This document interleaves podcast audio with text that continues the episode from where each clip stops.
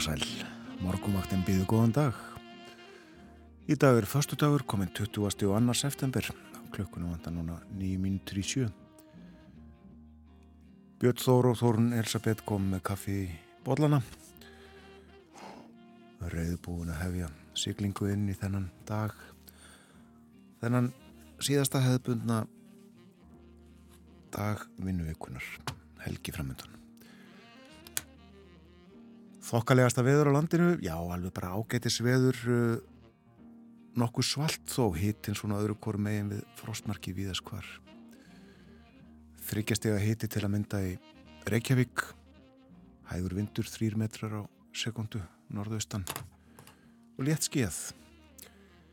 Tveggjastega frost á Kvanneri, þryggjastega hitti í Stikisólmi, skíja þar, hægur vindur, þrjár gráður á Patricksfyrði 6 metrar 3 gráður líka í Bólungavík og 8 metrar þar norðaustan. Tekjastega hitti á Holmavík og einstigs frost á Blönduósi. Þryggjastega hitti við Söðunisvita 2 gráður á Akureyri logn þar og allskíð 2 gráður á Húsavík hægur vindur. 2 gráður líka á Rauvarhöfn 4 metrar þar norðan Þryggjastega hitti bæði á skjaldtingstöðum og á eilstöðum. Lítilsáttar ryggning á eilstöðum klukkan 6.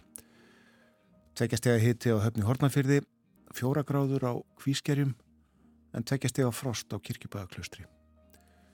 Sjöstega hitti á Stórhæðaði Vestmannheim, suðustan sjö metrar, ein gráða í Árnesi og uh, þryggja fjóra og fimmstega frost á Hálendinu svona viðræði á landinu fyrir 50 mínútum.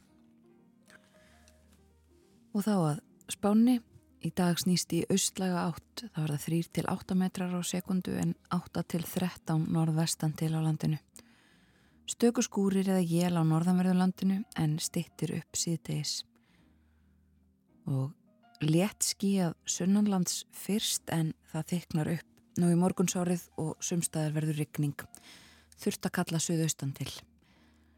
Og hitin í dag 2-8 stig hlýjast siðst á landinu. Á morgun lögardag er höstjapdægur, þá verður hægt vaksandi suðaustanátt 5-13 metrar á sekundu annað kvöld en 13-18 við suðurströndina.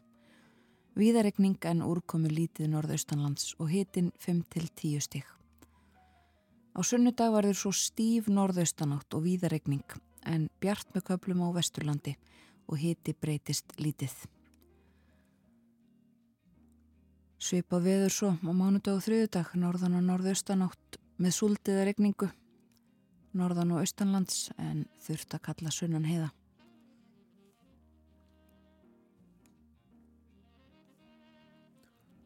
Hugum ástandinu á vegum landsins, hálka eða hálkublettir víða, hálka til dæmis á Stengrisfjörðarheiði hálkublettir á Þröskuldum, hálkublettir á Öksnadalsheiði og á uh, heiðum og álendisvegum á norðausturhorninu og uh, tiltekið til dæmis að uh, það er krapi á Faradal og hálkublettir já, víða inn til landsins á norðausturlandi og á Sandvíkurheiði held alveg öruglega að hún leiki milli bakkafjörðar og vopnafjörðar og uh, en vegir lokaðir vegna skemda eftir vassveðrið á dögunum.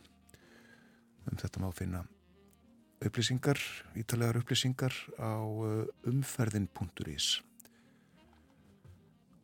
en uh, já, ímist hálka eða hálkublettir á vegum viðaðum land. Já, norðanverðu landinu, engum en uh, hvað er allir mörgin þar á milli liggi?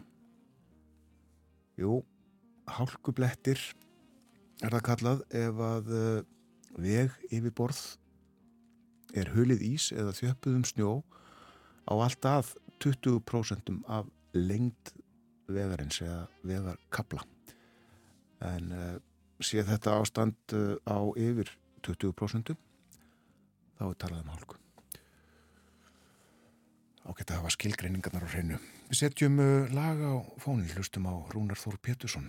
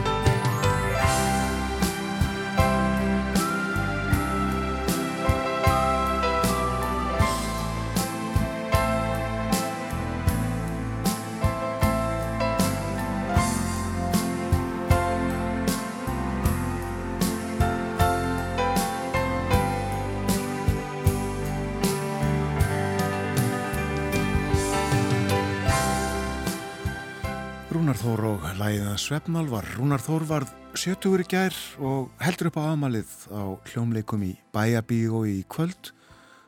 Það er lungu uppselt.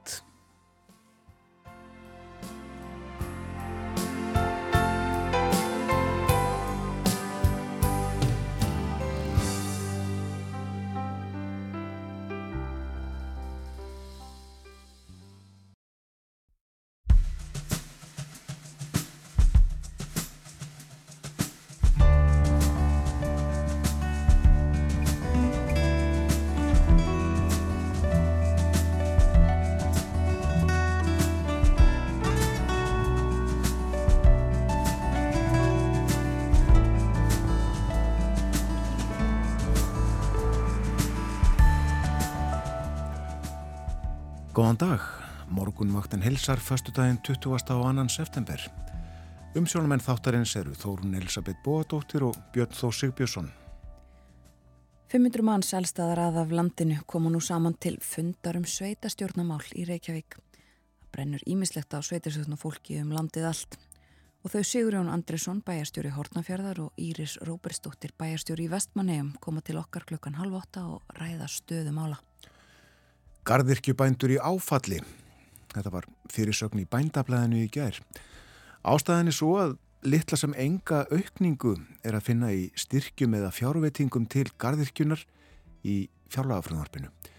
Við spjöllum um þessi mál við Axel Sæland, blómabonda í Biskupstungum. Hann verður á línu hjá okkur eftir morgunfrétnar klukkan 8. Og Nýfstalur er lítið þorp milli hára fjalla við utanverðan Skutulsfjörði í Ísafjörðadjúpi. Kristján Pálsson, fyrverandi alþingismadur og bæjarstjóri, hefur skráð sögu Nýfstals. Hann verður hjá okkur klokkan hálf nýju og segir okkur frá nýjútkominni bóksinni og stiklar á stóru í langri sögu.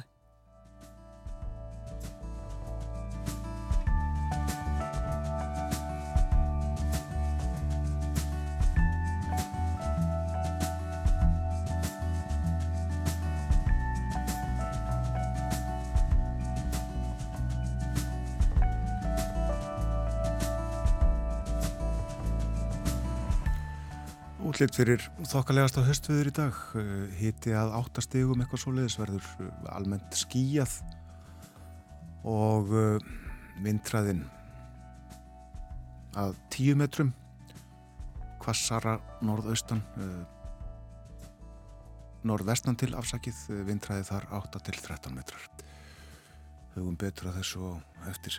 En lítum í blöðin og blaðið, þar að segja morgunblaðið fyrst, uh, myndtekinn í tálknafyrði í gerð hér á fórsíðunni af uh, Bjarnasæmundsenni hafrannsóknarskipinu sem strandaði í tálknafyrði og uh, satt fast í fáinar klukkstundir en uh, náðist svo á flotrétt fyrir hálf tólfi gerðkvöldi þá var komið háflóð en áður hafði hluti áhafnar verið fluttur í land.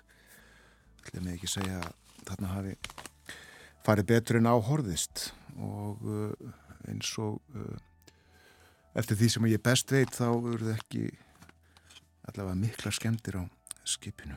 En uh, 20 manns um borði í, í leiðangri Bjarnar Nú hér á fórsíðun er líka fjallaðum þessa rannsókn ske eða aðtugun úttækt á eignarhaldi og eignartengslum í sjáorútvegi, nokkuð verið fjallaðum þetta í vikunni. Og nú kreft sjáorútvegsfyrirtækið gerun þess að samkettnis eftirlitið afhendi fyrirtækinu ántafar öll þau gögn og upplýsingar sem það hefur látið eftirlitinu í tíu vegna aðtugunarinnar á stjórnunar og eignartengslum og uh, þetta kemur fram í brefi sem að Frankandastjóri Gerun sendi fórstjóra sankjafnis eftirlitsins og morgunblæðið hefur undir höndum.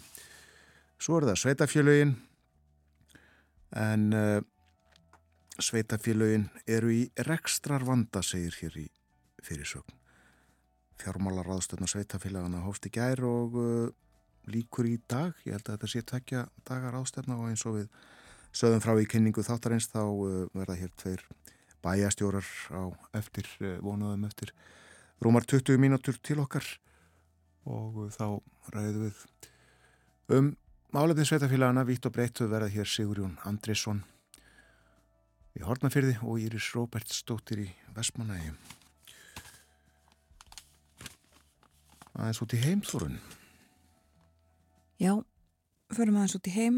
Við byrja á fórsíðun á politíkan í Danmörku í dag þar eru uh, forveitnilega frett, forsýðu frett fjallar um húsnæðismálin í Danmörku. Þau voru nú til umfyllunar á þessum þessari ráðstöfnum sveitafélagana hér á landi í gær en uh, eru til umfyllunar á forsýðun á politíken uh, segir nú í fyrirsögninni að uh, fjölskylda í Kaupmannahöfn uh, millistjéttar fjölskylda hún þurfi að flytja hún þurfa að flytja til Fredriksverk sem að er uh, töluvert uh, frá kaupmannahöfn bara uh, allavega klukkutíma eða meiri fjarlagð held ég til þess að geta keft sér hús. Og húsnæðisverð í höfuborginni hefur hækkað upp úr öllu valdi frá því uh, árið 2012 sérstaklega frá árinu 2020 hafa sérstaklega frá 2012 hefur þróunin verið þannig að húsnæðisverðið uh, það hækkar miklu meira heldur en uh, launin hjá fólki. Og það er talað við húsnæðismálar á þeirran sem að segja þetta mikið áhugju öfni og tekin dæmi hérna í frettinni um, ef að fólk vil kaupa sér íbúð sem er 60 fermetrar í Fredriksberg eða í Kaupmannahöfn þá hefur slík íbúð hækkaði verði um 15% frá árunni 2020 en raun laun á almennum vinnumarkaði hafa eins og er lækkað um 5% á sama tíma. Þannig að það segir sér sjálft að þetta uh, það er miklu, miklu erfiðara fyrir fólk að kaupa sér húsnæði heldur en það var. Og alls konar dæmi tekin hér á uh, fórsíðun og politíkan og uh, svo líka skoðanagrein þar sem að fjallað er um uh, menningararfin sem fælst í því hvernig er byggt í Kaupmannhöfn líka. Á forsýðun og informasjón í Danmörku þar er fjallað um þýskmálefni uh, svona úttekt á uh, þessum þýska hægri öfgaflokki sem oft er kallaður svo AFD Artur Björgum Bollarsson hefur uh, reglulega sagt okkur frá þessu og úttekt á því uh, þeim flokki og því hvernig hann hefur uh, orðið til og fest sér í sessi. Nú í breskum blöðum þá er fjallaðum stýrivextina. Þeim uh, var haldið í Englandi í gær uh, komnir í toppin segja hagfræðingar fjallaðum þetta uh, á nokkrum forsíðunum. Myndirnar allskunnar í ennsku blöðunum sumar áfram af heimsókn Karls konungs og Kamilu til Fraklands aðrar myndir af Rupert Murdoch fjölmiðla mógulnum sem að um, ætlar að stiga tilbaka og, og fór á eftirlaun. En uh, já, fjallaðum ímislegt uh, Forsíðan og Guardian talar um það líka að uh, það sé í undirbúningi lögsókn á hendur stjórnvöldum. Það er að reyna að nekja þessum ákvörðunum sem tilkynntar voru fyrir vikunni um tilslaganir á, á loftslags markmiðum Breitlands á ekki að leifa Rishi Sunak fórsættisráð þeirra að komast upp með þessar breytingar. Og uh, aðeins til bandaríkjana það er uh, fjallaðum málefni Úkrænu Volodymyr Selenski fórsættu Úkrænu hann var í Washington í gær hitti þar þingmenn og mynda honum þarna með leðtóum leðtóum þingsins.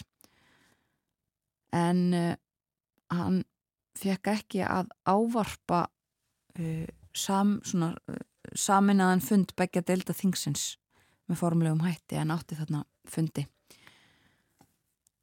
Og eins og hann gerir yðurlega í sínum ávarpum þá óskaðan eftir því að bandarikin bættu í aðstóð sína. Fór viða í Washington í gær og rætti þessi mál. Þetta er líka á forsýðinu á New York Times. Og uh, þar er fyrirsögnum svo að uh, Joe Biden fórseti uh, hafi sagt Selenski að bandaríkin stæðu með Úgrænu og stjórnvöldum í uh, Kív. Rétt aðeins af myndinni á forsýðinu á New York Times, hún er frá uh, Roosevelt hótelinu í New York borg. Og uh, þar er orðin einn helsti uh, staðurinn fyrir heimilislaust fólk. Fólk sem að uh, hefur komið til bandaríkjana annar staðar frá uh, flóta fólk fólk sem er í leitað hæli.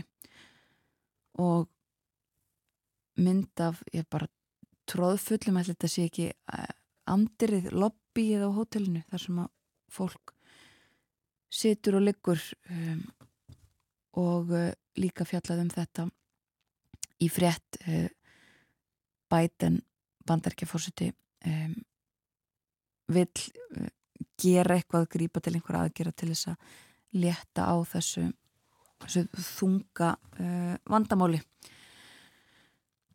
en uh, það var tilkynnt að ég held að það verði um hálf miljón uh, frá Venezuela sem að fær tímabundi atvinnulefi í bandaríkanum, fólk sem að þegar er komið þángað fær að vinna að minnstakosti um stund og koma sér þannig á betri stað heldur henni andirið á Roosevelt hotellinu vonandi. Já, við þurfum að tala eins um fókbaltarleikin í gær í uh, Tel Aviv, Breðablík fór og leik gegn Maccabi Tel Aviv í fyrsta leikliðsins og liðan að begja í reyðilega keppni sambandsteldarinnar í knarspilnu 3-2 fyrir Maccabi liðið sem að komst í 3-0 og leist mörgum ekki á blikuna. En uh, blikar betu í skjaldarendur og uh, skoruðu tvö mörg rætt við Óskar Rapp Þorvaldsson þjálfara breyðabliks á vísi hann segir ímislegt um þetta en uh, svo þegar öllur á botnin kvöld þá er ég stoltur liðinu, af liðinu virkilega ánaði með kraftin sem liðið setti í þennan leik. Við komum hérna á erfiðan útiföll og skoruðum tvö mörg það hefði verið rosalega létt fyrir okkur að leggjast niður og gefast upp þegar staðan var 3-0 en við gerum það ekki við heldum áfram. Já, fín framistu það hjá uh, eh, breyðabliki í gær og uh, það er landsleikur á lögardalsvelli í kvöld. Ísland Veils í þjóðardild Kvenna. Þetta er ný keppni og uh, leikurinn í kvöld sá fyrsti sem að Ísland leikur í henni. Ísland sigur stránglegra er nokkuð ofar en Veils á styrkleikalista alþjóðagnarspilnu sambandsins en með Íslandi og Veils í riðli eru Danmörk og Þískaland sem að eigast við í Danmörku í kvöld. Og uh, svo eru næstu leikir uh, strax eftir helgi. Ísland fer til Þískalands og uh, í lok oktober koma svo bæði Danmörk og Þískaland hingað og leika gegn Íslandi og Lögardalsvelli Aðeins að sögunni, það eru 50 ári í dag frá því að uh, mentaskólinn í Kópói var settur í fyrsta sinn Stofnum skólans hefði nú átt svolítið aðdraganda, ég vil tí ára aðdraganda eitthvað svolítið, ég held að það hefði verið tí árum áður sem að byrja að vara að tala um þetta, álíkt að þetta í bæjastjórn Kópahús að uh, setja bæri á fót mentaskóla í bænum. En svo var hann sættur uh, 20.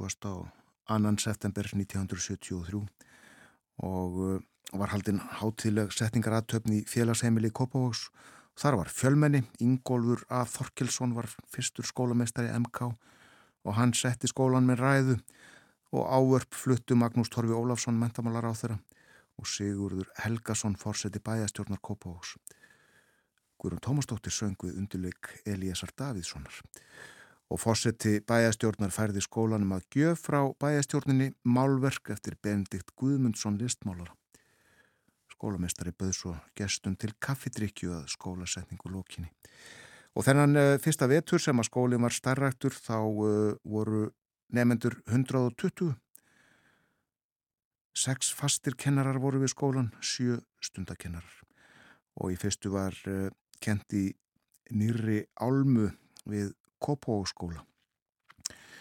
Og þá var aðeins sagt frá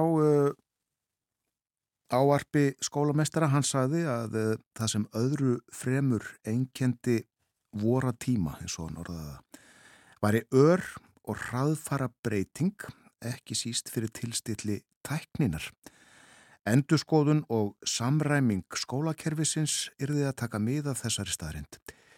Hins vegar ætti aukinn tækni ekki að vera æðsta takmark okkar, heldur bæri að nota hana til að bæta mannlifið og feðraða.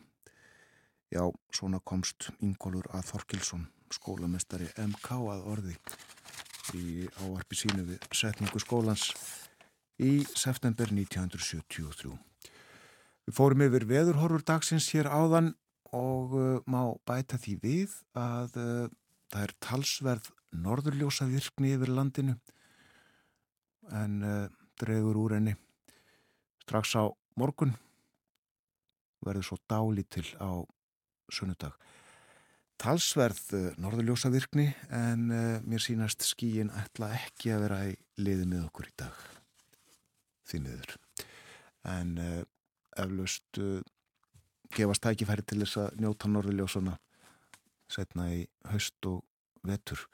Og talandi um norðurljós, um þau hafa verið samin lög og viljivali á Ísafyrði samt í til dæmis Norðurljósa Blues. Ok, tilbúinir, 1, 2, 3, 4.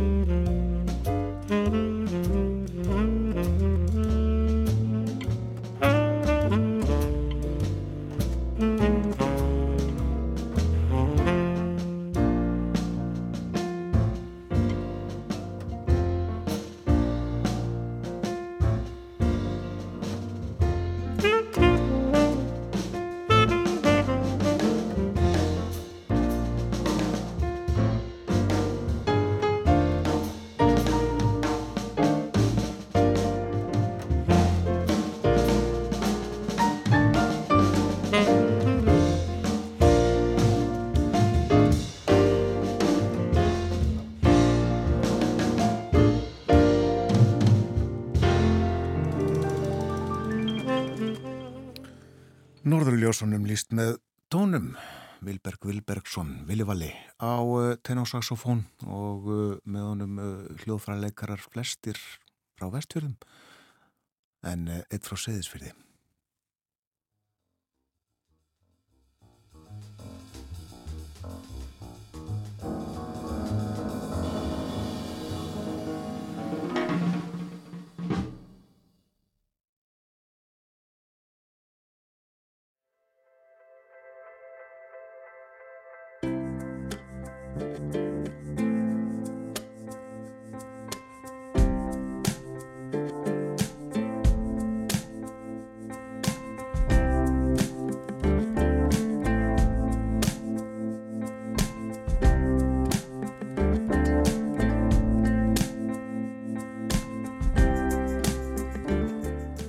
ný, þér að hlusta á morgunvaktina á Ráseitt.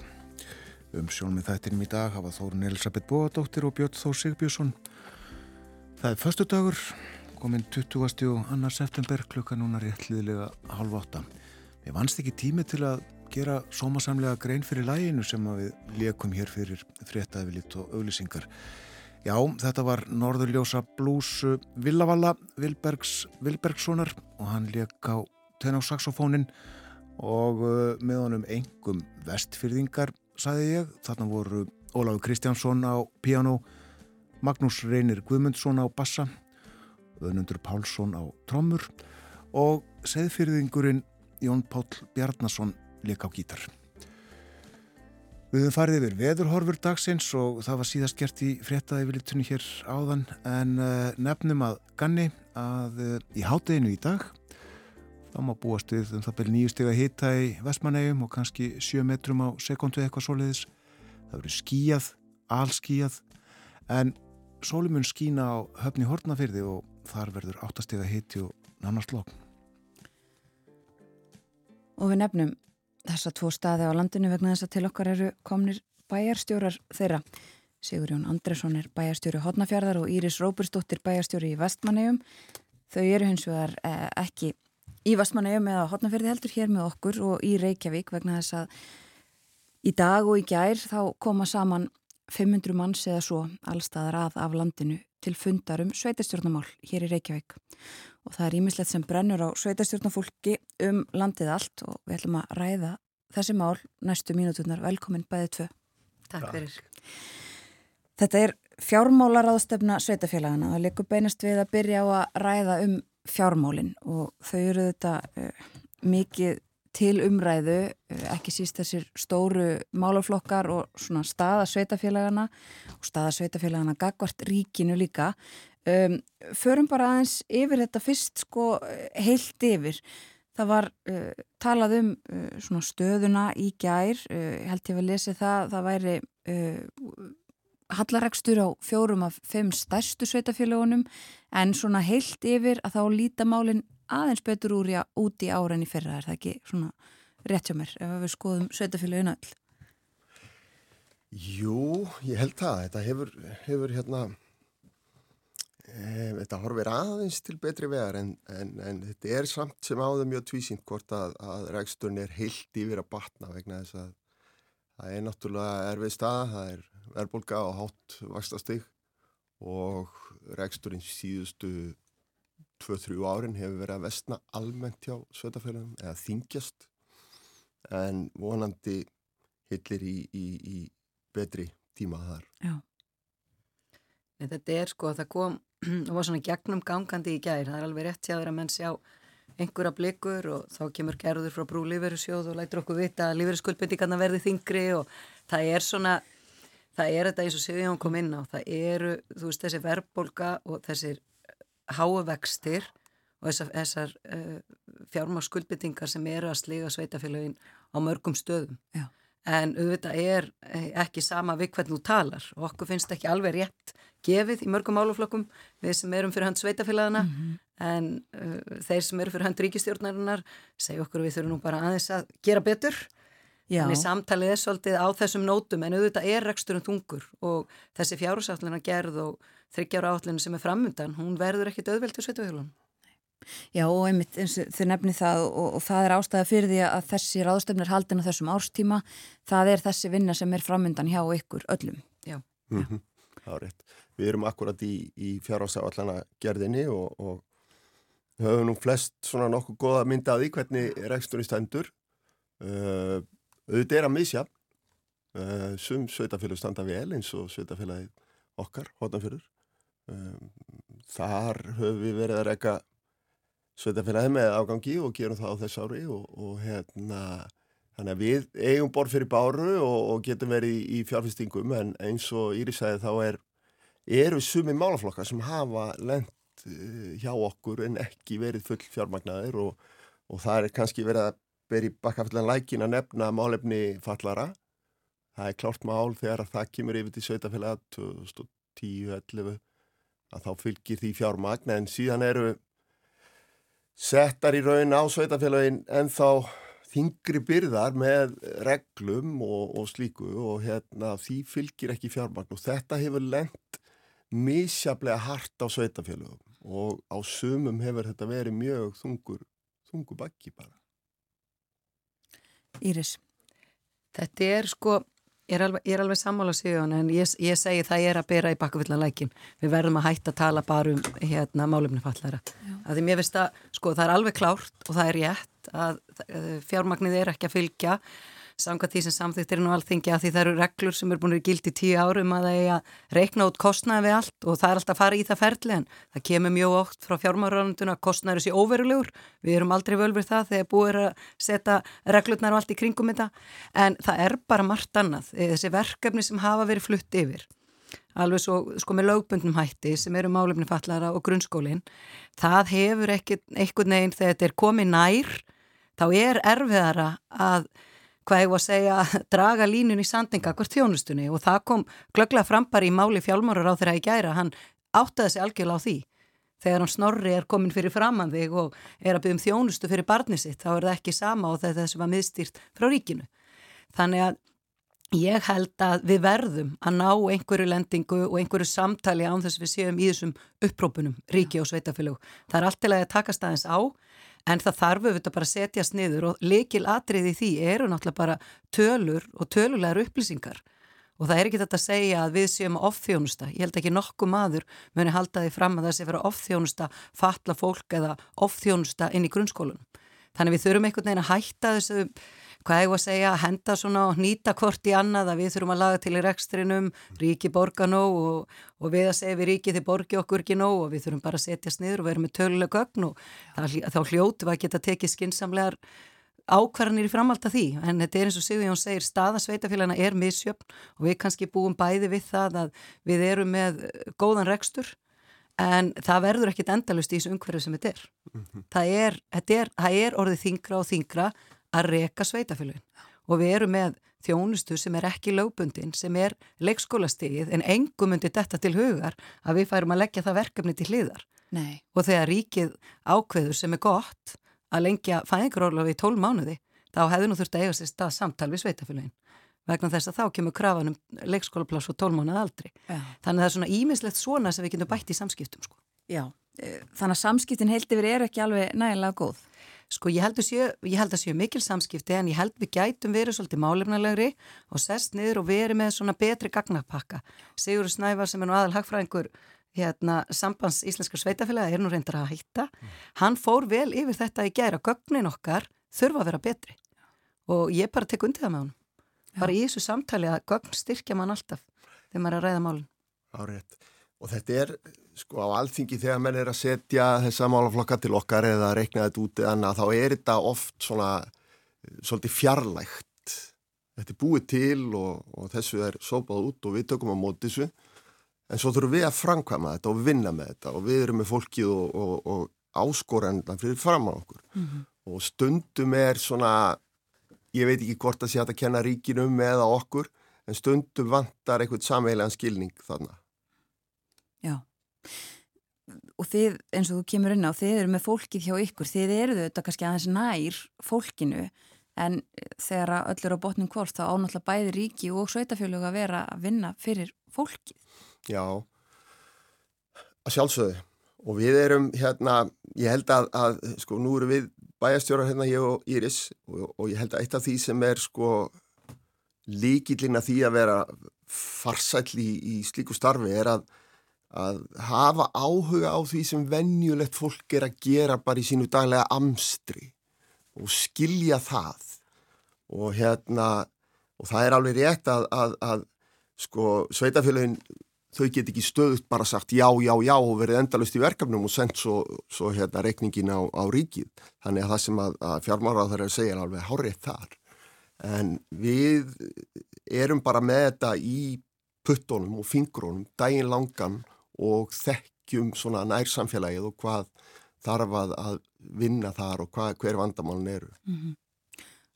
Fólkið á alþingi og fjármálaráður og ráþerarnir uh, gera þau ekki nóða því þá að vita hvað fólkið í landinu og hjá ykkur vill og þarf? Jú, alveg, þú veist, það eru öruglega fullu vilji til þess, en þau eru kannski ekki dagstaglega í þessum rekst eins og síðan er að segja. Og svo er þetta líka, og ég held að þetta samtal sem er mikilvægt að eiga sér stað, er til dæmis hvar nýtist fjármagnin best? Hvar er best að fjárfesta? Að ég vil meina það að, að varðandi til dæmis mentunina, fræðslumálin er sko gríðala stórt verkefni og þegar við erum að ræða sveitafélagin það hafa sveitafélagin tvíðat hlutverk það er að veita þjónustu og vera vel reikin. Mm -hmm. Við erum með þetta tvent að vera með þessa faglegu og fjárháslegu sjónamið sem þurfa að fara saman, sem er svolítið öðruvísi heldur en hjá venjulegum fyrirtækjum, að því við erum með, allavegna skildur og annars er lagtir okkar erðar annar staða frá. Og ég held að við þurfum aðeins að stokka upp þessi samskipti ríki og sveitafélags með því að skoða svolítið onni grunninn í hvað er peningurinn að fara. Getur við nýttan betur, þarf meiri pening eða þurfum við að færa til sem getur gerta inn í framtíðina að eh, til dæmis, ef við tölum að því grunnskólinn er mjög mjög hugleikin og leikskólastegið og ég ætla bara að segja það að leikskólastegið er, og ég vona að ég móki ekki halvan heiminn, er lang mikilvægasta skólastegið. Þar eru tækifærin til þess að styrkja og jafna stöðu, langt mesta jöfnatækið, allra barna og grýpa það þannig þau geti nýtt sína styrkleika.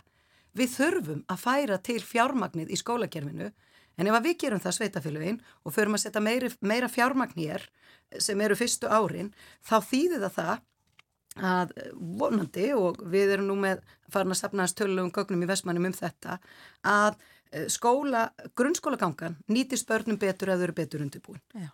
og á endanum þegar þau koma út úr grunnskóla og farin í framhalskóla þá er ríkið auðvitað innan gæsalappa að græða því hvernig við færum til fjármagn og undirbúum nefnundum betur, nýtum fjármagnu öðruvísi þannig þessi spönn sem er mentunastíð frá leikskóla upp í háskóla og allt þar á milli, hún er sameilegt verkefni Eh, ríkis og sveitafélag en við erum bara akkurat ekki neinu samstarfum hvað er best að setja fjármagnir.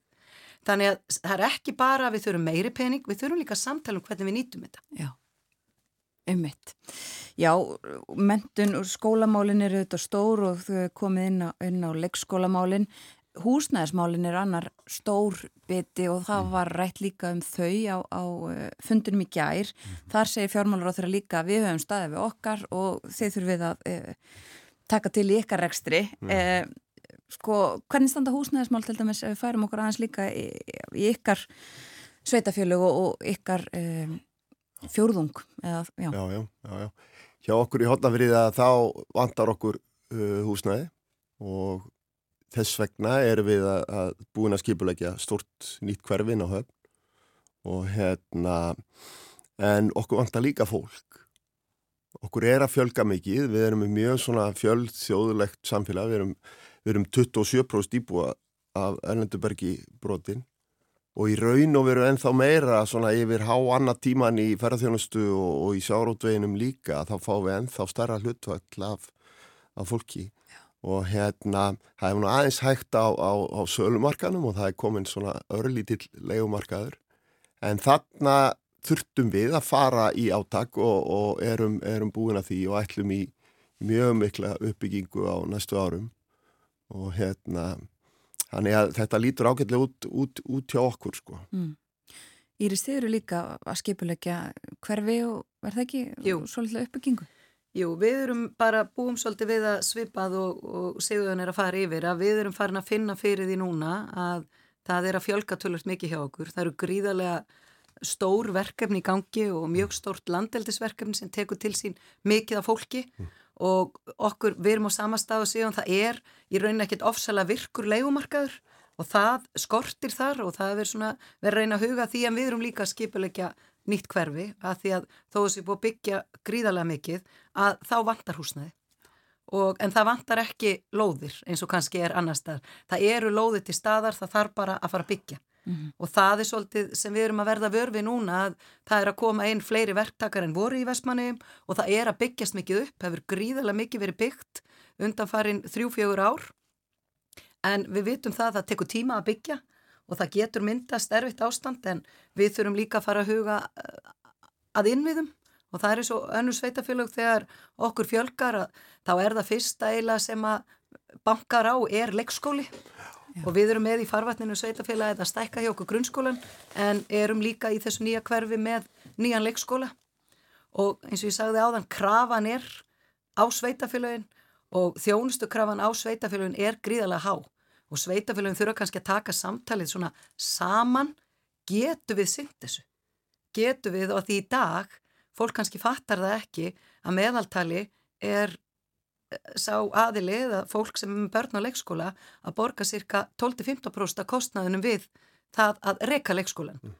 og hitt kemur náttúrulega bara skattekjum sveitafélagsins og þetta eru mjög hájar fjárhæðir við vitum að þetta er nöðsileg þjónusta en við þurfum samt einhvern veginn að taka samtal um þetta, hvernig ætlum við að hafa þetta og við erum í svoleiðis vinnu í eigum núna kakvart leikskólastíðinu Já. og bara í svolítið svona, ætlum að vera með það í svolítið svona opnu samtali Já. Og þetta má kannski í framhald að þessu sem Íri segir að ef það er eitthvað eitt sem að svona sveitafélagin er að sameilegt sem eru hérna á, á hérna rástefninu núna þá er það að við erum komir í svona innviða skuld.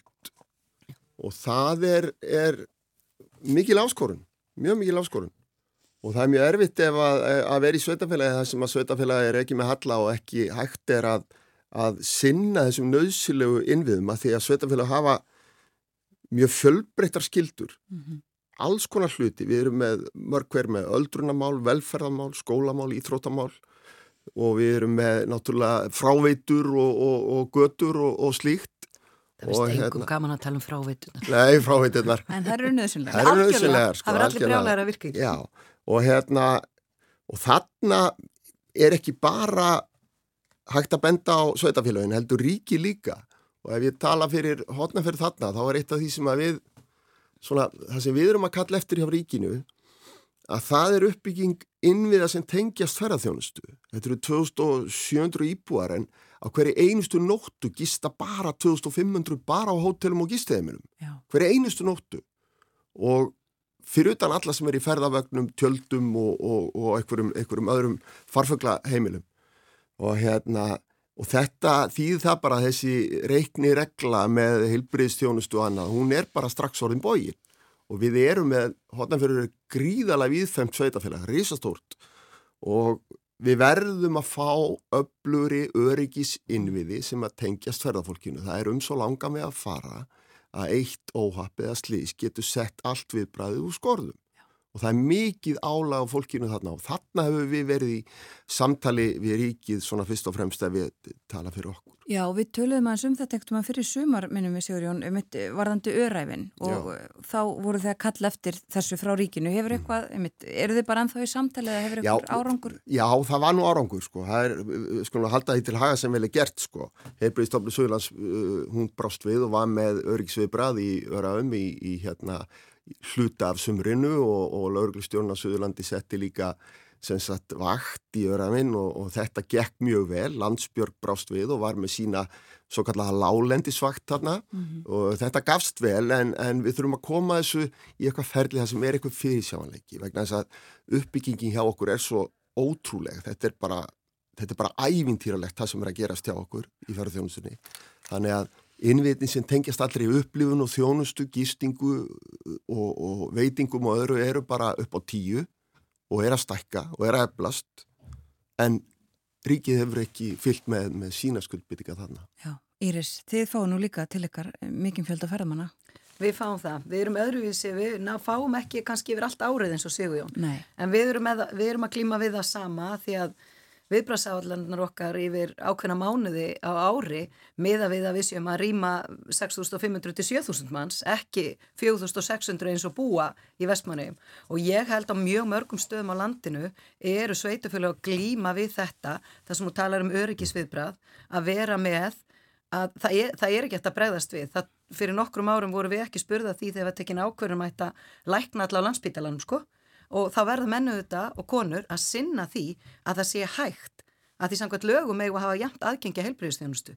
Það er ekki í dag og það samtala er á mjög mörgum stöðum í ríkið og þetta með ferðamennina er bara það sem bætist ofan og þjónustu við heimafólk og við sko Ég held að allir vilji vel. Ég held bara við séum ekkert alveg átt okkur á því hvernig er best að gera þetta að því ef að menn alltaf bara byggja og eins og hlutirnir er í dag þá verður kostnæðurum bara nánast óeyfistingalegur. Þannig það þarf svolítið að setjast niður og skoða það hvernig getur við veitt sem besta þjónustu en auðvitað reynda að passa það að við séum að fara vel með peningin en eins og staðanir í dag á þessum heilbreyðismálum og ég tek heilsugar undir með Sigurjóna því tölumstundum um á Siðurlandi að það séu tvær eigjar, það eru Vestmannegar og, og Hortnafjörður þannig að við eigum langt í alla þjónust og erum mjög háð því að það sé góð þjónust á staðinu sem við erum. Og mér finnst samtali, við erum líka búin að vera í samtali við á þeirra út af ákveðnum hlutum, læknamönnun og svona. Mm -hmm. og það er alveg vilji en þetta gerist hægt og það vantar fyrir sjáleikan, ég er algjörlega samálaðir þar. Við þurfum ekki alltaf á hverju ára að vera bettlum það saman. Og þetta kemur líka inn á uppbyggingu ferðamannastað og hérna eitt eru öryggisinn við, annað eru uppbyggingin og og, og fyrirsjámanleikin þar er rosalega lítill. Þú sækir um á hverju ári í framkvæmtastjóð, ferðamannastaða og svo farið kannski svara einhvern tíðan í april-mæ og þú nærði ekki neinu verktaka til að uh, hérna, framkvæma og svo brennur inn með peningin og, og, og getur ekki gert það sem þú ætlaði að gera. Hérna, og við þurfum að fara í, í stór áttak í hotnafriði með ríkinu í uppbyggingu á ferðamann og það er svo sem farið af stað. Við erum að fá nýtt hóteli á Reynivelli 120 herbyggi glæsi hótel við erum vonað að fá baðlón inni við jökul, við erum að fá nýja miðbæ, við erum að skipa ekki stórt hverfi, ný vestlunarmiðstöð, það sem kemur samkeppni á maturumarka og svo framvegs og framvegs og við erum að fá miljón manns á jökulsvalun. Það voru 140.000 mann sem komuð þar í júli og ágúst sko, sem sagt á 280. Já. Sko, það er engin smá ásokk í þjóðgarðin í hotnafyrði og þetta söðsvæði sko þetta aðgengi að jöklinum er náttúrulega einstakt og ferðaviljin til að koma og upplifa og sjá og finna að hann er mikill og hann er ekki að minga en við verðum að, að hafa sæmilega mótöku þannig að þetta fólk getur nú í það minnsta farið á, á klósiti og við þurfum hérna stóra áttak í þessu. Já, við komumst ekki lengra að mér heyrist svona eh, eiginlega kjarnar þetta þannig að þið viljið meira samtal við ríkið og millisveitafélagana og svona langtíma hugsun. Takk fyrir að koma til okkar á morgunvaktina bæðið tvö. Íris Róbersdóttir er bæjarstjóri í Vestmanneigum og Sigur Jón Andrisson og Hortnafyrði og þið haldið núna aftur á Nordika og klárið þessa ráðstöfnu. Takk fyrir að vera með okkur í dag. Takk. á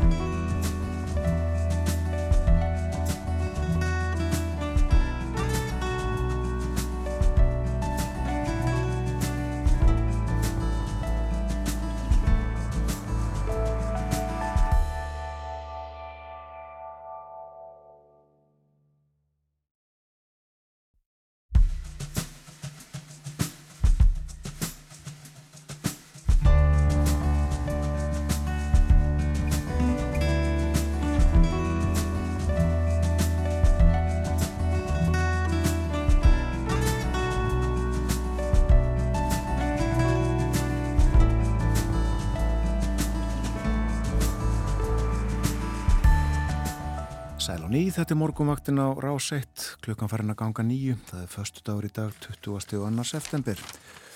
Og hér setja, og hafa gert síðan snemma í morgun, Þórun Elisabeth Bóadóttir og Björn Þór Sigbjörnsson.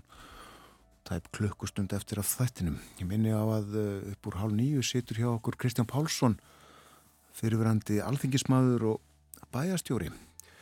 Hann hefur skrifað bók, heilmikla bók sem er nýjútkominn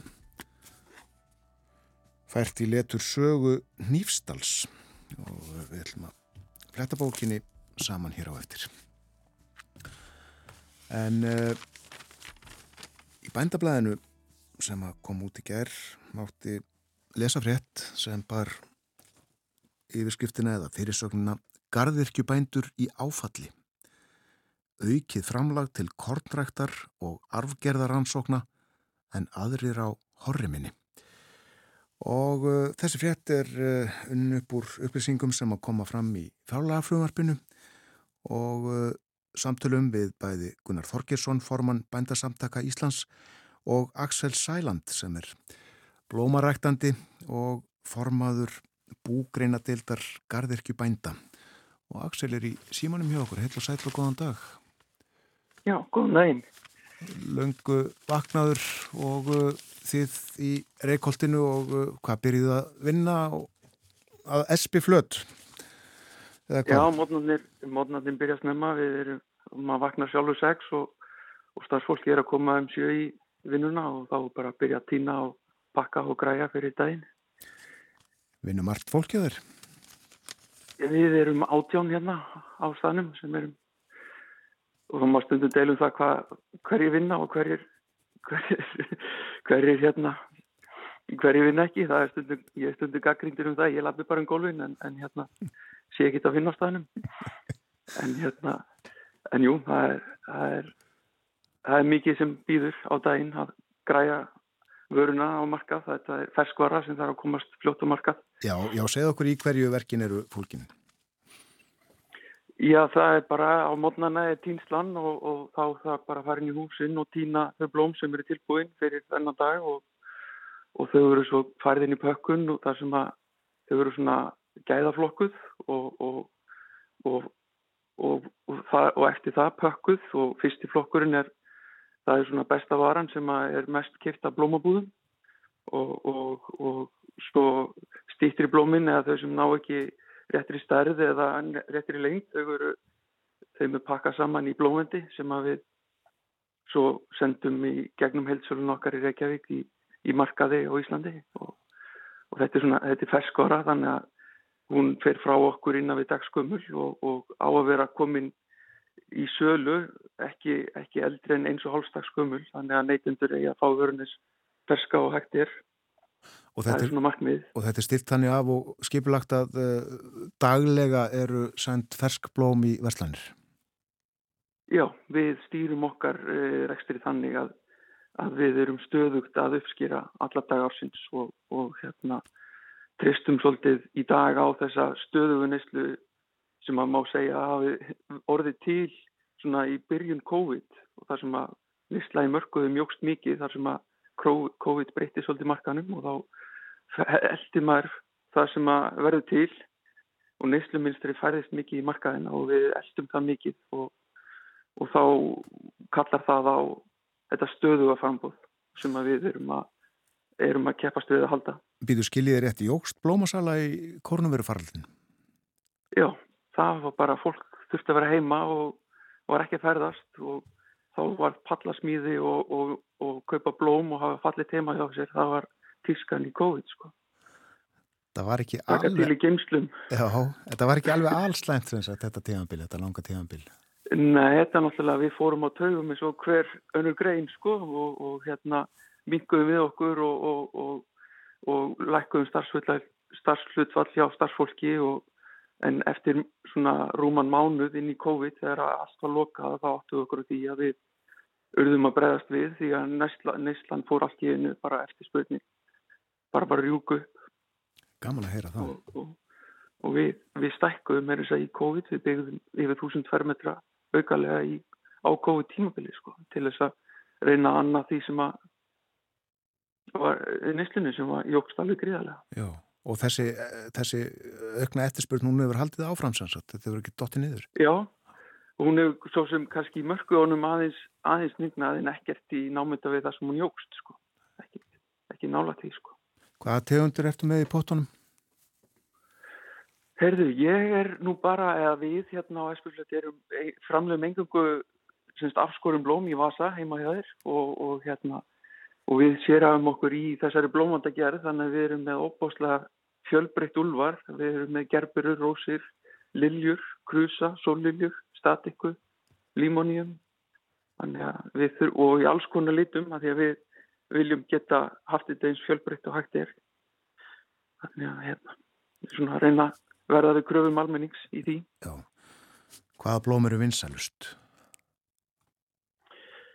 Já, það eru sko, Rauðarósin er náttúrulega alltaf þetta tákmynd blóma.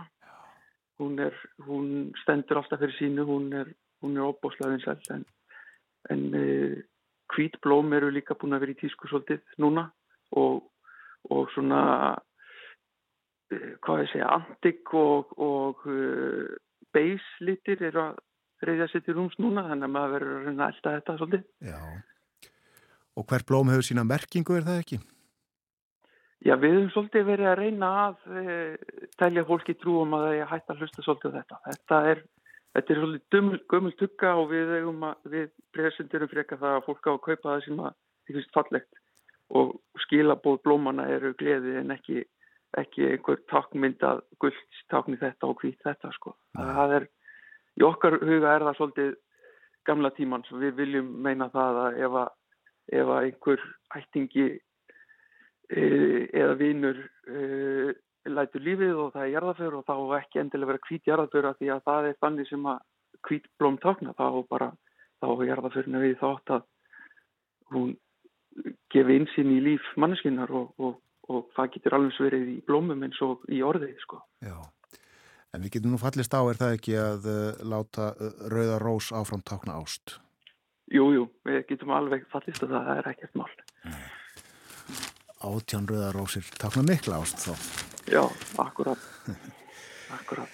En uh, Axel, garðirkibændur í áfalli á, saði bændablaðinu í gerð. Hvað er, hvað er að?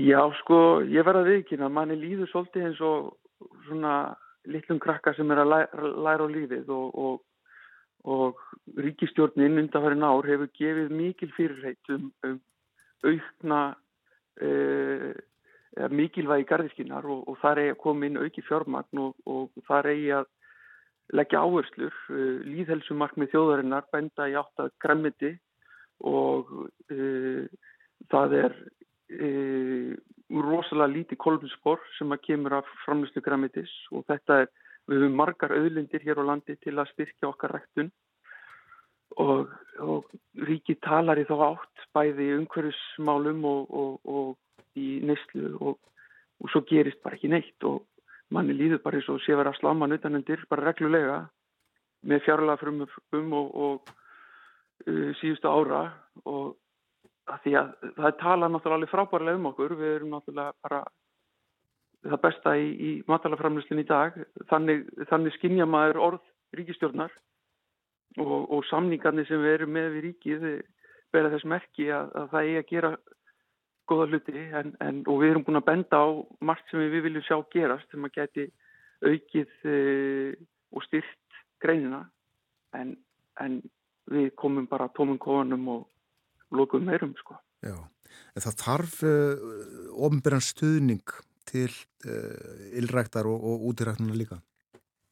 Já, það er, og það er sko, og ofnbyrjur stuðningurinn, hann er bara nöðsulegur upp á það að við séum samkjöfnisæð við innflyttaðu vegna þess að, uh, að uh, smæð landarinnar og, og norrlæg náttaða, hún veldur því að, að hafðkvæmni í ræktun er erfiðari vegna þess að við erum lítil og, og við erum norr norðarlega á kveli jarðar og, og þar er leiðandi eru sumri stittri og vastutími stittri og þannig að við erum kannski keppað við framlýslu lönd þar sem eru tvær uppskyrur ári en við erum bara með eina og, þú, og þar er leiðandi sá bóndi að nýta landsitt mun betur en við og þannig við náum ekki þessum verðum sem að innflutni vörun er en, en fullirðum og, og stöndum með því að gæði vöru okkar eru mikil og, og bara hluti af matvælaur ekki í þjóðarinnar að, að geta framleitt. En ef við þurfum alltaf að verleika okkar vöru kannski 50, jafnvel 70, jafnvel 100% herra en innfluttavarana þá, þá býtur það hjá neytandanum og neytandin er ekkit alltaf tilbúin að láta bjóða sér að. En bætur eru varðið með tollum líka er það ekki?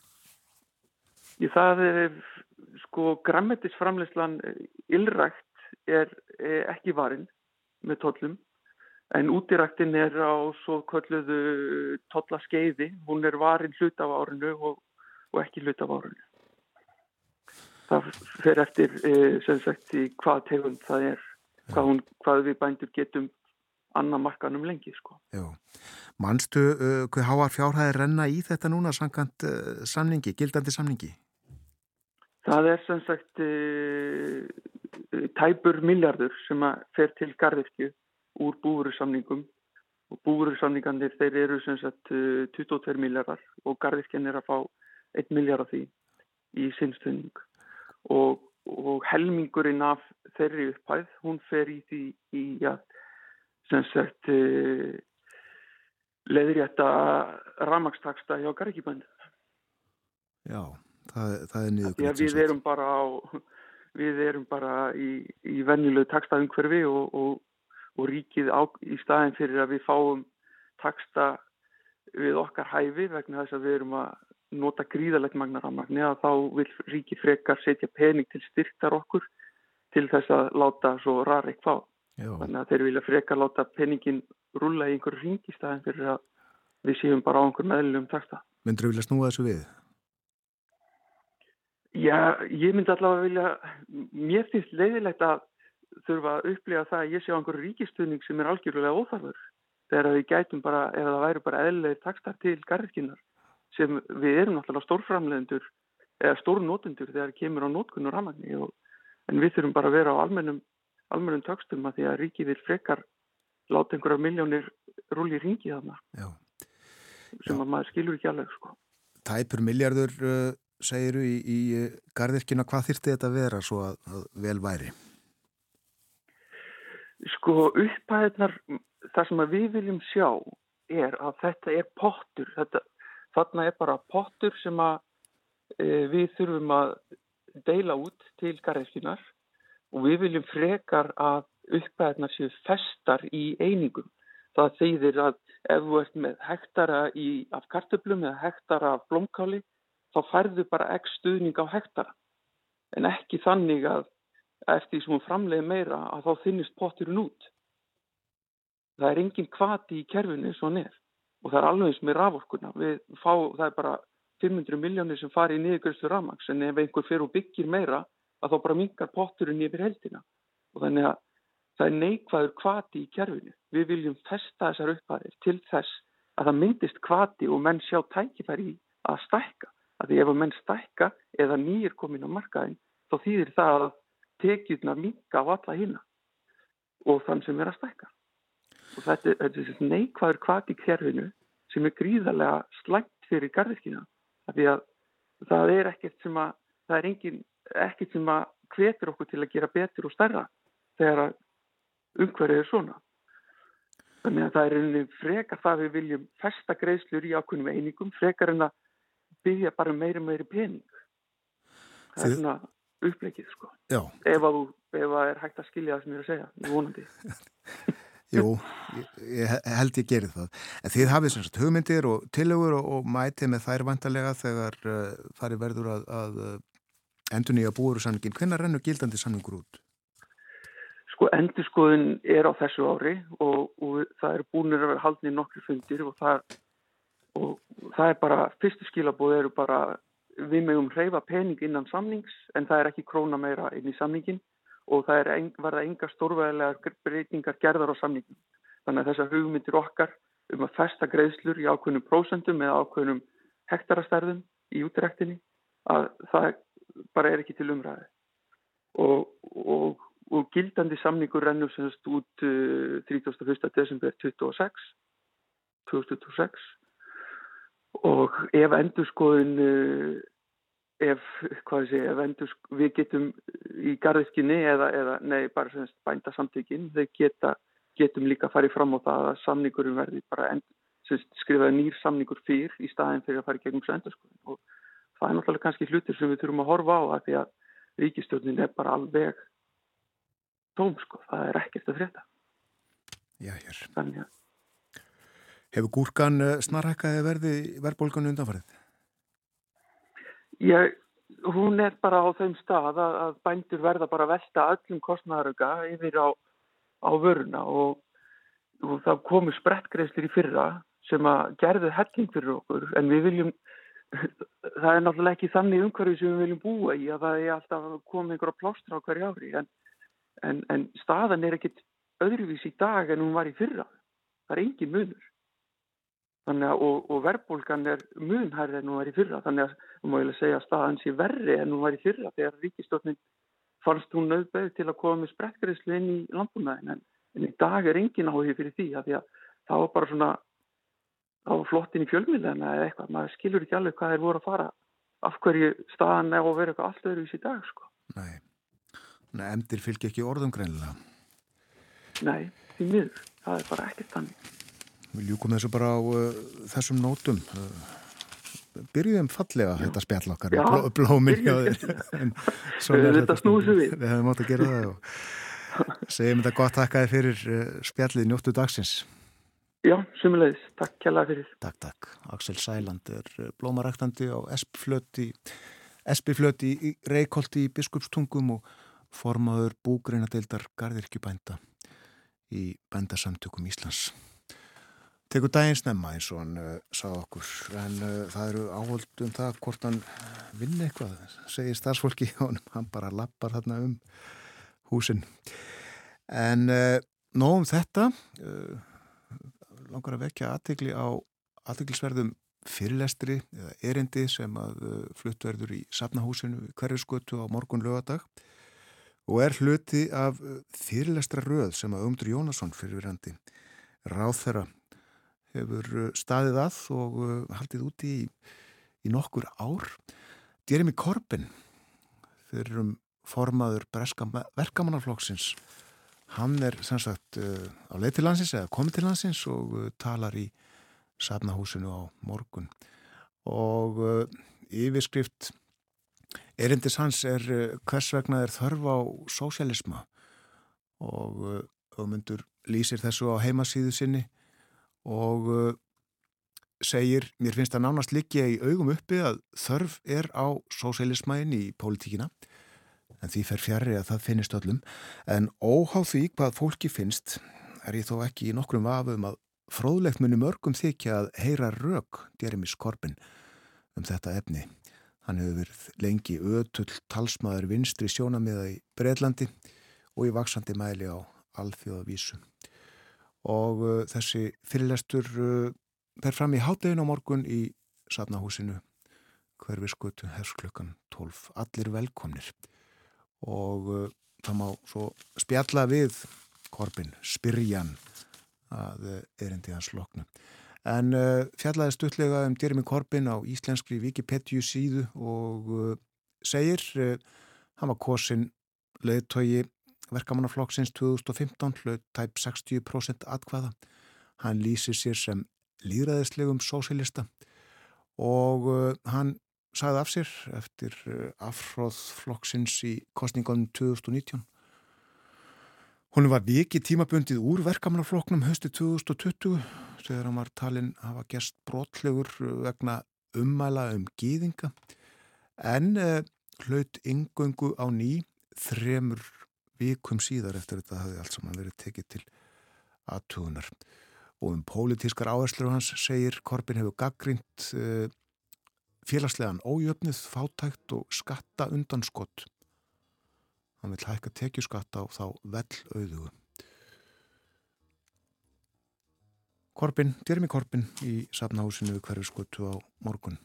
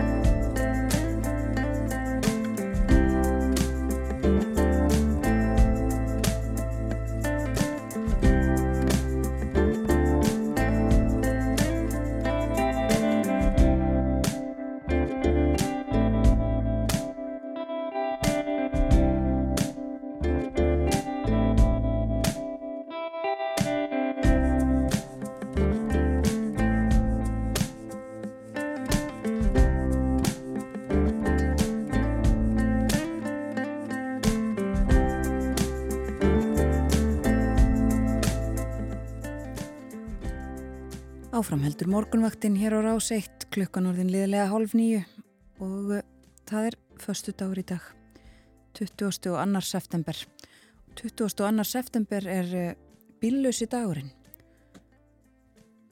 markar lok evrópskrar samgöngu viku sem hófst uh, þann 16. lögadag og á bíllösa daginn þá er frítt í strætó bæða á höfuborgarsvæðinu og með landsbyðarstrætó Þetta er uh, kynnt meðal annars á vegagerðarinnar og uh, það er tilvali tækifæri fyrir fólk til að breyta út af vananum, kvíla bílinn og velja fjölbreyttari og vistvætni ferðamáta segir á vegagerðarinnar. Og uh, vegagerðin sem, sem að rekur landsbyðastræt og ákvaða að vera með í þetta skiptið og þess vegna er hægt að ferðast á um landið ókipis í dag en líka hér á höfuborgarsvæðinu. Það skell okkur vestur. Já, aldrei að vita nema við getum bara gert það. Við ætlum allavega að fara þangað í huganum næstu mínútunar. Já, við ætlum að tala um nýfstall. En uh, út er komin Saga Nýfstalls. Höfundur Kristján Pálsson, hann var lengi í pólitíkinni, var á þingi tvö kjörtíðanbilaði mann rétt fyrir sjálfstæðisflokkin, áður bæjastjóri í Njarðvík, hann var líka bæjastjóri í Ólasvík og sveitastjóri á Suður í velkomin til okkar, Kristján. Já, takk fyrir. Ég er nú aldrei tengti sérstaklega við nýfstall, mm. en, en þú átt ættir að rekja þangað eða ekki? Og... Jú, ég átti að rekja þangað. Ég, ég hérna, fórandra mínir báðir voru fættir og uppaldir í nýfstall og, og mínir ættingar og minn, minn frendgarður kemur meira að minna þaðan. Og að því að voru að tala um bíla þá má til gaman sketa þess að fyrsti bílinn rendi sér frá Ísafyrði og út í Nýfstal árið 1923 þannig að þá komist þeir í samband og það var Vilmundur Jónsson Læknir sem kom þá í vitjun Já, já, já, já, já. og hefur þótt merkilegt það, hefur svo, já, það þótti merkilegt þar allavega já. en uh, þetta, þetta þókaðist áfram eins og annar staðar Nýfstalur já við uh, utanverðan uh, skutulsfjörðin í, í Sefjörðardjúpinu og þarna er Þorp og mhm. hefur verið lengi það eru til heimildir um, um líf í Nýfstall frá því bara fyrir löngu, löngu, löngu síðan Ég, Þetta er landnámsjörð og Þorlu Brækin hann hann land um 900 og, og hann hann uh, settist þarna í Nýfstall neðri eins og kallað var að, að ég tel. Það er endar engar sérstakar sögur af hans búskap eða veruð þarna eftir það. En, en landnáma segir þetta og ég trúi henni og sömur gerir hann reyndar ekki en, en e, e, það er svo engar þá hétt þetta var nýfstalur kallað Skálavík Já. og e, það er ekki fyrir 1498 sem að kemur fram nafni nýfstalur og hvaðan er það komið heldur?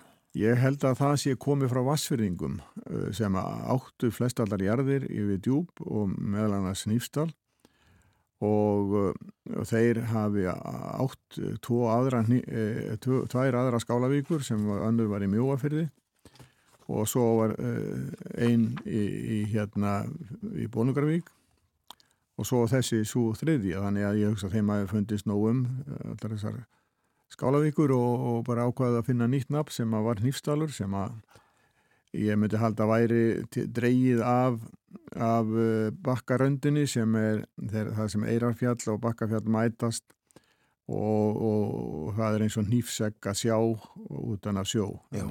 og einmitt byrt mynd af uh, þessari í bókinni. Já, akkurat sko. En Kristján, hvað kom til að þú uh, ákast að skrifa sögun Híftars? Já, ástæðin er, er svo að ég fór á gammalsaldri í sagfræði og, og tók masterspróf í sagfræði og um, mig langaði að, að fjalla aðeins í, um nýfstal þar sem, þar sem að fóræðra mínir koma að báður og, og, og ættingar mínir eru þar aftur í aldir og mér fannst þetta mjög áhugavert fólk. Ég fór, var ungur sendur í Nýfstal í, í sveit og, og var talsveit hjá mínu fólki þar yfir sumatíman bara strax og ég var búin að missa bleiuna. Og mér, mér fannst þetta alltaf dálítið merkilegt fólk og mér langaði að vita meira og meira og meira. Og það endaði með því að ég fór að sapna heimildum og, og skrifa um, þessa, um þetta fólk og um þessa sögu og mér fannst hann alltaf verða skemmtilegri og skemmtilegri og það endaði með því að þetta var bara bók. Já, og nýtt námið þetta vel. Og Já, greinilega ímsar heimildir til eh, bókin 500 blaðsjúður. Já, það, það er talsett til að heimildum og, og hérna maður leitaði þetta eins og gefur að skilja í svona fornum skjölum uppálega og fyrsta heimildin sem að getur um nýfstal er frá 1498 þegar, þegar Sólvöðu Guðmustóttur Guðmundar var svona ríka í Reykjóldi hann átti nýfstal og, og hefur fengið nýfstal þá með Helgu Helgu sem kom frá Vassverði, hann giftist henni og hún var, hún var dóttir Vassverða Kristínar Hún hefur líklega komið með allar jarðirnar, uh, sennilega margar festarar jarðirnar þar á með nýfstan með sér í búið. Já, já.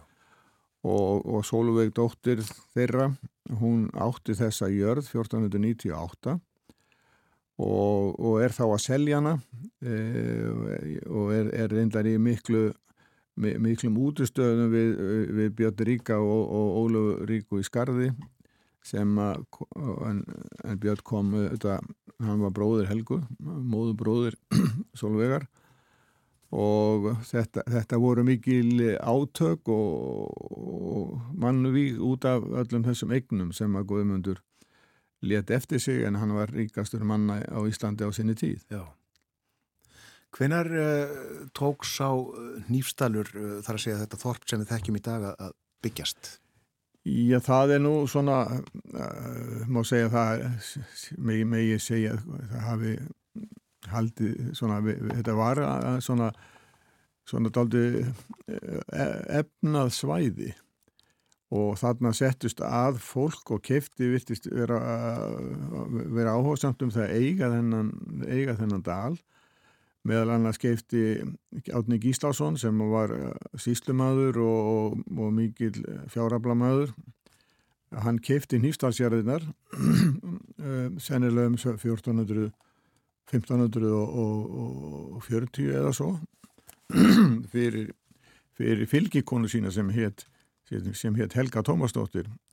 En hún var barnabarn Helgu Sigurðardóttir sem var fylgikona Jóns Arasonar þannig að, að þetta sé nú allt til, öllu til skila haldið. Eh, en eh, það, það er fyrsta svona heimildin um, um eh, ábúenda að það er þessi Helga Tómasdóttir sem að eh, fær þessa jarðir að gjöf. Síðan heldur þetta áfram að í augri eignast jarðirnar og, og síðan eignast augurættin allar jarðirnar og á þær alveg til 1763 þegar að Jón Jónsson, lauröftumadurinn Hýfstal, kefti þar allar í einu lægi en það, hann virtist vera ríkur og, og hann hefur ert daldin, daldið frá móðu sinni, Guðrun Ásmundsdóttir sem kom frá Fjallanskaga í, í dýrafyrði og sennilega auðu en hún held úti þarna skrifurum sem skrifuðu meðal annars upp gömul handrit og þýttu bækur. Þannig að þetta var menningarlegt og, og áhugavert. Við skrifu uh, reysubók Ólas Eilssonar meðal hans upp. Hannes Pálsson hétt sá rítari og, og Tyrfingur Finnsson skrifað þarna upp Eirbyggju sem mjög fallega skrifuð og skreitt. Þannig að þarna var menning eh, mikil í gangi og, og, og svona helt þetta áfram. Já og á 19. öldinni kemur þarna daldi mikil sjóara ætt frá, frá Arnardal og sest þarna að, giftist þarna inn í, þessa ætt, þessa svo kallega nýfstalsætt og þeir eiga allar jarðirnar í nýfstal, allar 19. öldinu og fram á 20. öld, uh, hún er í eigu þessa sama fólks í, í, á annan hundra ár og en á, 18, á 19. öldinni byrjar svona að að vaksa þarna sjávarúdvegur sem kemur mikið með þessu fólki frá Arnedal. Stuttu þetta á fengsal mið? Já, það var, það var stutt á miðin hérna fyrir utan Hýstal og, og, og utan, og, utan við Óslýð og þessi sjófangarar þar, þeir, þeir gerði út árabóta og spyrjuðu snemma að, að lagfæra uh, verbúðir. Þannig að verbúðunar voru miklu búsaldarlegri, getum við sagt, að það, það, þeir, þeir byggðu verbúður úr timbri sem hafðu á, ávalt verið úr, úr grjóti og torfi sem að voru mjög kaldar verbúðir og erfitt eh, erfiðan til búsetu og ég hygg að það hafi verið uppafið af því að þarna flyktist fólk til að, eh, til að sækja sjóin Já, gerðu og, vel við sitt fólk þarna, já. Já, ég myndi halda það og, og þetta voru þetta voru heilmiklir eh, svona bú, búmenn líka og höfðu, höfðu mikið umleikis, marga báta og þarna um aldamótin þá eru kominir um 300 íbúar aldamótin 1900 eru kominir um 300 íbúar í Nýfstall og þá var verið þá voru 77 bátar eh, það, það mesta sem ég sá sem voru gerðir út frá fjörunni. 77 bátar? Já, og, og þeir fengu yfir miljón fiska eins og, seg, eins og ég hef séð í, í afla skýslum sem var heilmikið og jafn mikið og í Bólingavík sem var líka gríðarlega mikil verstu búin að vera í ár hundruður og, og Nýfstalur var þarna bara á pari við, við þá nágranna sína í Bólingavík. Já. Nýfstalur eh, hefur núna, svo við förum bara út á söður og, og, og hratt yfir, hefur núna verið eh, hluti af Ísafjörðabæ í halva öldir það ekki? Já, síðan 71. Síðan 71, já. já. En þetta, e, þetta var áður eirarheppur, e, allur fjörðurinn, hér eirarheppur og þar voru e, frá, frá því um aldamótin 1800 þá var einn hreppstjóri yfir öllum eirarheppi og þannig var það uh, alveg til til, uh, til ég hef getið sagt uh, 1866 þegar Ísafjörður varð til. Ísafjörður var, var, það var farið að eitthvað að, að, að svona búa um sig ykkur óanægja hjá, hjá tangamönnum sem kallaði voru sem voru kaupmennitir á Ísafjörði og þeir vildu ekki una því að sveitamennindi væru að, að rápa þarna um, um tangan og, unáða kaupmennina og svona. Þannig að þeir, þeir fóru strax 1854 að óska eftir svona fjárastlegu sjálfstæði. Og töldu ekki hægt að vera með sveitamennunum í þessu og það hafði aldrei heyrst af neinu nýttni óanægu og hrefstjóru, síðustu hrefstjórarnir voru í Nýfstall Haldur Pálsson og, og svo sonur hans Pál Haldarsson og þeir, þeir voru hrefstjórar alveg til 1851 en 1854 eh, þá er komin hrefstjóri uh, frá Ísafyrði eða frá Tanganum. Og þá kemur fyrsta skjali til uh, Antmanns þar sem hann fer fram á það að Tangin fái sjálf, fjárhagslegt sjálfstæði og segir að að sveitamenninir eh, séu alveg sammála því. Eh, Amtmaður var ekki alveg tilbúin til þess að viðkenna þetta og hann kannaði það sjálfur hjá sveitamenninu hvort að þeir vildu þetta og það kom á daginn að þeir vildu það alls ekki. Þannig að þetta byrjaði nú svona og heldur svo áfram 1862 og, og endan reynda svo með því að 1866 þá verður Ísafjörður eh, Ísafjörður til sem að sem var kaufstaður 1866 í janúar. Þetta, það, þetta var, var, voru samsagt aldrei átök en, en þetta fór svona og, og það klopnaði þessi reppur þá í tvent. Nýfstalur var öðrum megin og sveitin hinnum megin og þetta var óhagræði mikið fyrir reppsbúa enn. En Ísafjörður blómstræði og, og það, þeir voru ánaði með þetta sjálfur og það, þetta gekk svona alveg til 1917 og þá ákvaðu Ísafjörður og, nýfstalur að saminast en þá fór það þannig að sveitamennir inn í erðheipi vildu ekki saminast og þetta fór fyrir þingið.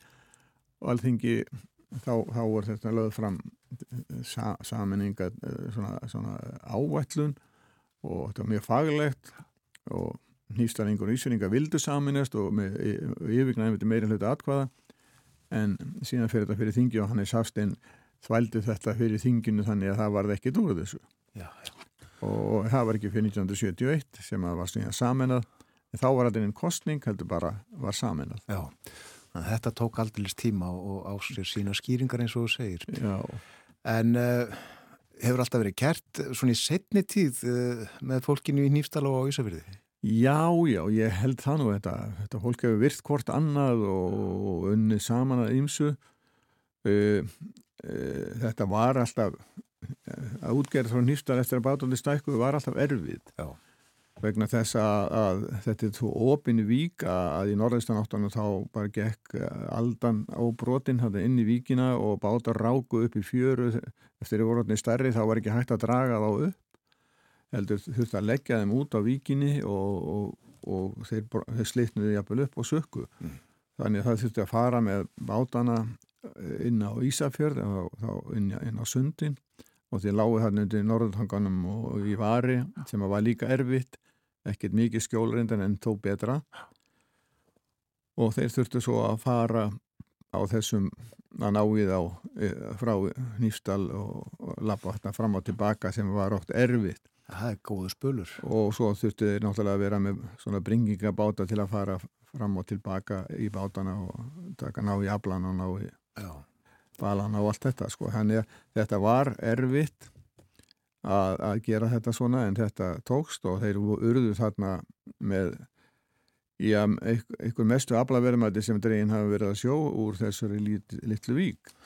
Kristján Pálsson, þú hefur uh, grunum, lúmskan grunum að uh, flottrólið hafi orðið til í Nýfstall. Já, ég, ég var nú að segja það, svona til gama að það, það er reyndar það voru enda mjög margir skipstjórar, tóvara skipstjórar sem komu frá Nýfstal, meðal annars Bjarni Ingimarsson sem var eitt frægasti aflamaður landsins. En e, e, svo saga var mér sögð að, að hann hafi hannað flótrólið í baðkarnu heima hjá sér og sem að e, mér fannst alltaf mjög skemmtileg saga. En, en það voru margir góði skipstjórar sem komu frá Nýfstal og, og gerðu það gott. Já. Við leggjum á þetta trúnað að flótrólið hafi voruð til þarna í bakarnu hjá honum. og uh, auðvitað líf og fjör í uh, félagsheimilinu, uh, fræg böllhaldin þar? Já, já, hýfstæningar hafa alltaf verið mjög duglegir að, að, að halda upp í félagslífi og, og mik miklir gleði menn og það samanist öll félagin í hýfstæðum að um að reysa þetta félagsheimili sem kom endingu upp á árið 1968 Já og, og hvern félagi e, kvöt sem þarna hefur e, starfað síðan 1912 þær hafa gert margt fyrir þetta plás meðal annars lánuðu þær alla peningana sem eru voru búin að sapna sér inn til að geta reist sér kirkju. Þær, þær lánuðu þá peninga til kallana sem voru vandraði með að koma upp bryggju í Skeljavík en e, þeir áttu enga peninga og báðu þá þær um að lána sér eh, kirkjupeningana sem þar gerðu en ætluði að fá það tilbaka til að geta byggt kirkjuna en þeir gáttu aldrei borga tilbaka það því að þeir voru blankir. Þannig að þá var það aldrei til neinn kirkja í Nýfstald en það var til hræðvistúsi í Nýfstald HF sem er núna eitt staðsta hræðvistúsi á landinu og það staðsta í, í, á vestur en að ég hegg Þannig að þær hafa látið margt gott af sér leiða konurnar í Hýstal. Svona gengur þetta fyrir sig. Já. Förum aftur í eh, félagsheimilið og á Sveitabal. Þakkaði kellega fyrir að vera með okkur í dag og, og segja okkur frá þessari bók uh, Sögu Nýfstals, Kristján Pálsson. Já. Já, Sveitabal í félagsheimilin í Nýfstal, uh, Vili Valli með sína sveit á Sveiðinu.